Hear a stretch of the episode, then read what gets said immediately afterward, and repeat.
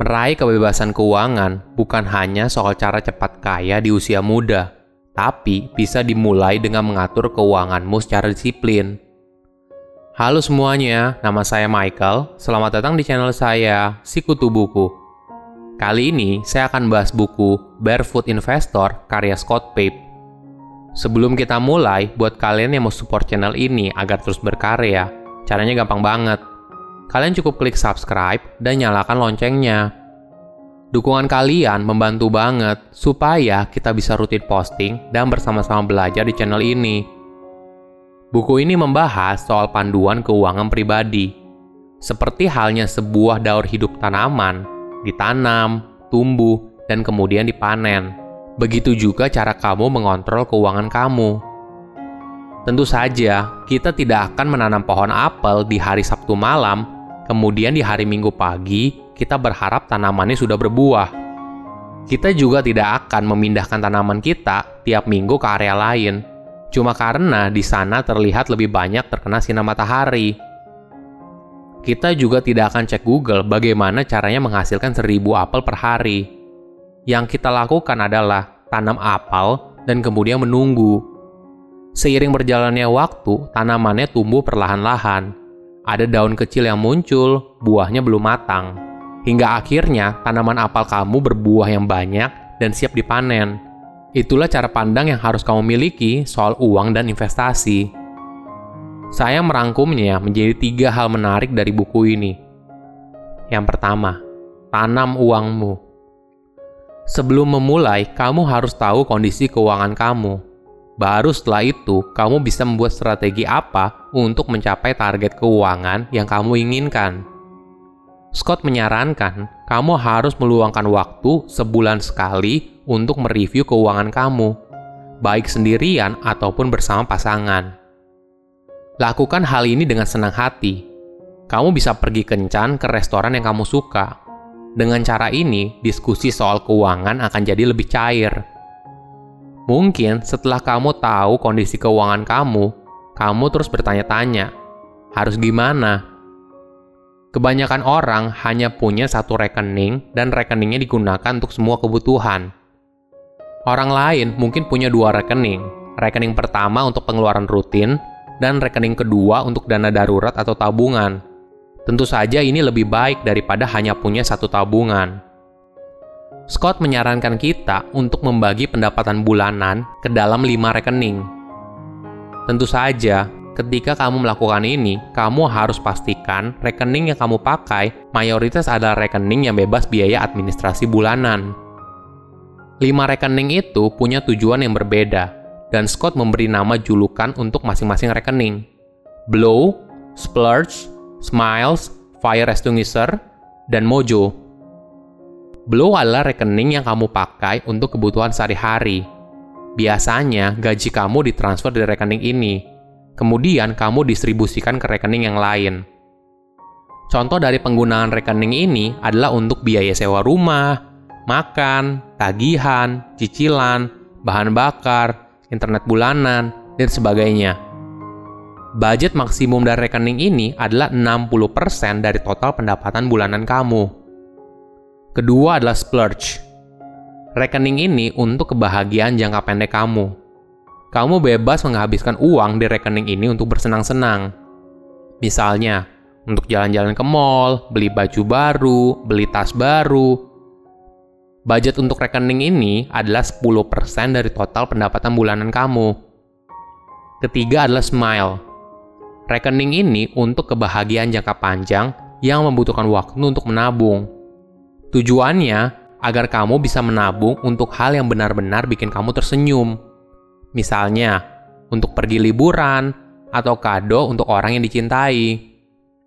Budget untuk rekening ini adalah 10% dari total pendapatan bulanan kamu. Keempat adalah fire extinguisher. Rekening ini sesuai dengan namanya, yaitu untuk memadamkan api. Api yang dimaksud adalah kebakaran keuanganmu Misalnya, untuk bayar hutang, tabungan cicilan DP rumah, dan sebagainya. Apabila kamu bebas hutang, maka rekening ini bisa digunakan sebagai dana darurat kamu.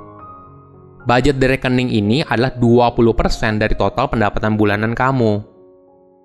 Kelima adalah mojo. Rekening ini berisi sisa uang yang bisa kamu gunakan untuk tabungan jangka panjang atau diinvestasikan. Uang di dalam rekening ini minimal adalah tiga kali dari total kebutuhan bulanan kamu. Tujuannya adalah untuk menjaga kamu dari hal yang tidak diinginkan, misalnya mengalami PHK atau biaya berobat yang mendesak. Kedua, bebas dari hutang dan mewujudkan impianmu. Jika kamu berhutang, berarti kamu tidak bebas secara finansial. Ini adalah indikator paling sederhana. Buat kamu yang sangat sulit sekali untuk tidak berhutang menggunakan kartu kredit, Scott punya tips sederhana. Ambil gunting dan potong kartu kredit kamu. Dengan begini, kamu tidak akan menggunakan kartu kredit kamu untuk kegiatan yang impulsif jika kamu masih punya tagihan, tulis semua tagihan yang kamu punya dan urutkan berdasarkan nominalnya. Apabila memungkinkan, bayar semua tagihan yang kamu punya. Tapi, apabila tidak, bayar dari tagihan yang paling kecil. Tindakan ini akan memberikanmu perasaan kalau kamu mengalami kemajuan dan rasa pencapaian. Selain itu, kamu bisa coba untuk bernegosiasi dengan bank soal tagihan kamu yang masih macet Negosiasi di sini maksudnya adalah untuk bunga kreditnya dan tempo pembayarannya. Di sinilah peran rekening fire extinguisher kamu sebesar 20% dari total pendapatan. Gunanya untuk membantu melunasi semua hutang yang kamu punya. Dalam hidup, kamu pasti punya impian. Bagi kebanyakan orang, memiliki rumah adalah sebuah impian. Di tempat ini, biasanya kamu akan menghabiskan hampir seluruh hidupmu dan mungkin juga membesarkan anak. Scott memberikan beberapa rekomendasi apabila kamu ingin membeli rumah. Belilah rumah sesuai kemampuan. Membeli rumah biasanya bukan hanya soal rasional, tapi juga perasaan. Jangan sampai setiap bulan kamu kesulitan untuk membayar cicilan rumah. Gunakan rekening fire extinguisher kamu untuk menabung cicilan DP rumah. Selain itu, pastikan rumah yang ingin kamu beli, cicilan bulanannya tidak lebih dari 30% total pendapatan bulanan kamu. Ingat, total kebutuhan bulanan kamu di rekening Blow hanya 60%. Jadi, kalau lebih dari 30%, pasti akan mengganggu kondisi keuangan kamu. Untuk bunga KPR, Scott menyarankan jangan gunakan fixed rate, tapi floating rate. Selain itu, kamu juga harus rajin melakukan riset bank apa yang menyediakan bunga yang paling rendah. Ketiga, biarkan uangmu tumbuh. Agar uangmu tumbuh, kamu harus segera membebaskan dirimu dari belenggu hutang. Salah satunya yaitu cicilan rumah. Namun, kamu perlu menghitung untung ruginya dulu.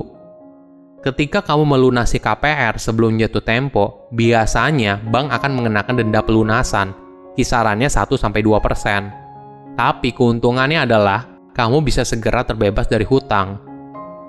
Penghasilan kamu setiap tahun biasanya akan terus bertambah, apalagi kalau misalnya kamu mendapatkan kenaikan jabatan atau punya bisnis sampingan. Kamu bisa membayar cicilan lebih banyak untuk melunasi hutang pokoknya. Tapi kamu harus pastikan dulu, apakah bank pemberi kredit kamu mengenakan denda atau tidak jika kamu membayar lebih banyak pada periode tertentu. Poin kedua yang paling penting adalah soal dana pensiun. Untuk mengumpulkan dana pensiun, kuncinya bukan seberapa besar yang kamu sisihkan, tapi seberapa awal kamu memulai. Semakin mudah kamu memulainya, maka dana pensiun kamu akan semakin besar. Kamu bisa ikut tabungan dana pensiun yang biasanya ditawarkan oleh jasa keuangan, atau kamu juga bisa mengatur portofolio investasi kamu. Ingat, Semakin mudah kamu memulainya, maka hidup kamu ketika pensiun akan semakin aman. Mencapai kebebasan keuangan bukan soal menjadi cepat kaya, tapi bisa juga dengan cara mengatur keuangan dan mempersiapkan masa tua yang dimulai sejak dini. Silahkan komen di kolom komentar pelajaran apa yang kalian dapat ketika baca buku ini. Selain itu, komen juga mau buku apa lagi yang saya review di video berikutnya. Saya undur diri, jangan lupa subscribe channel YouTube Sikutu Buku. Bye bye.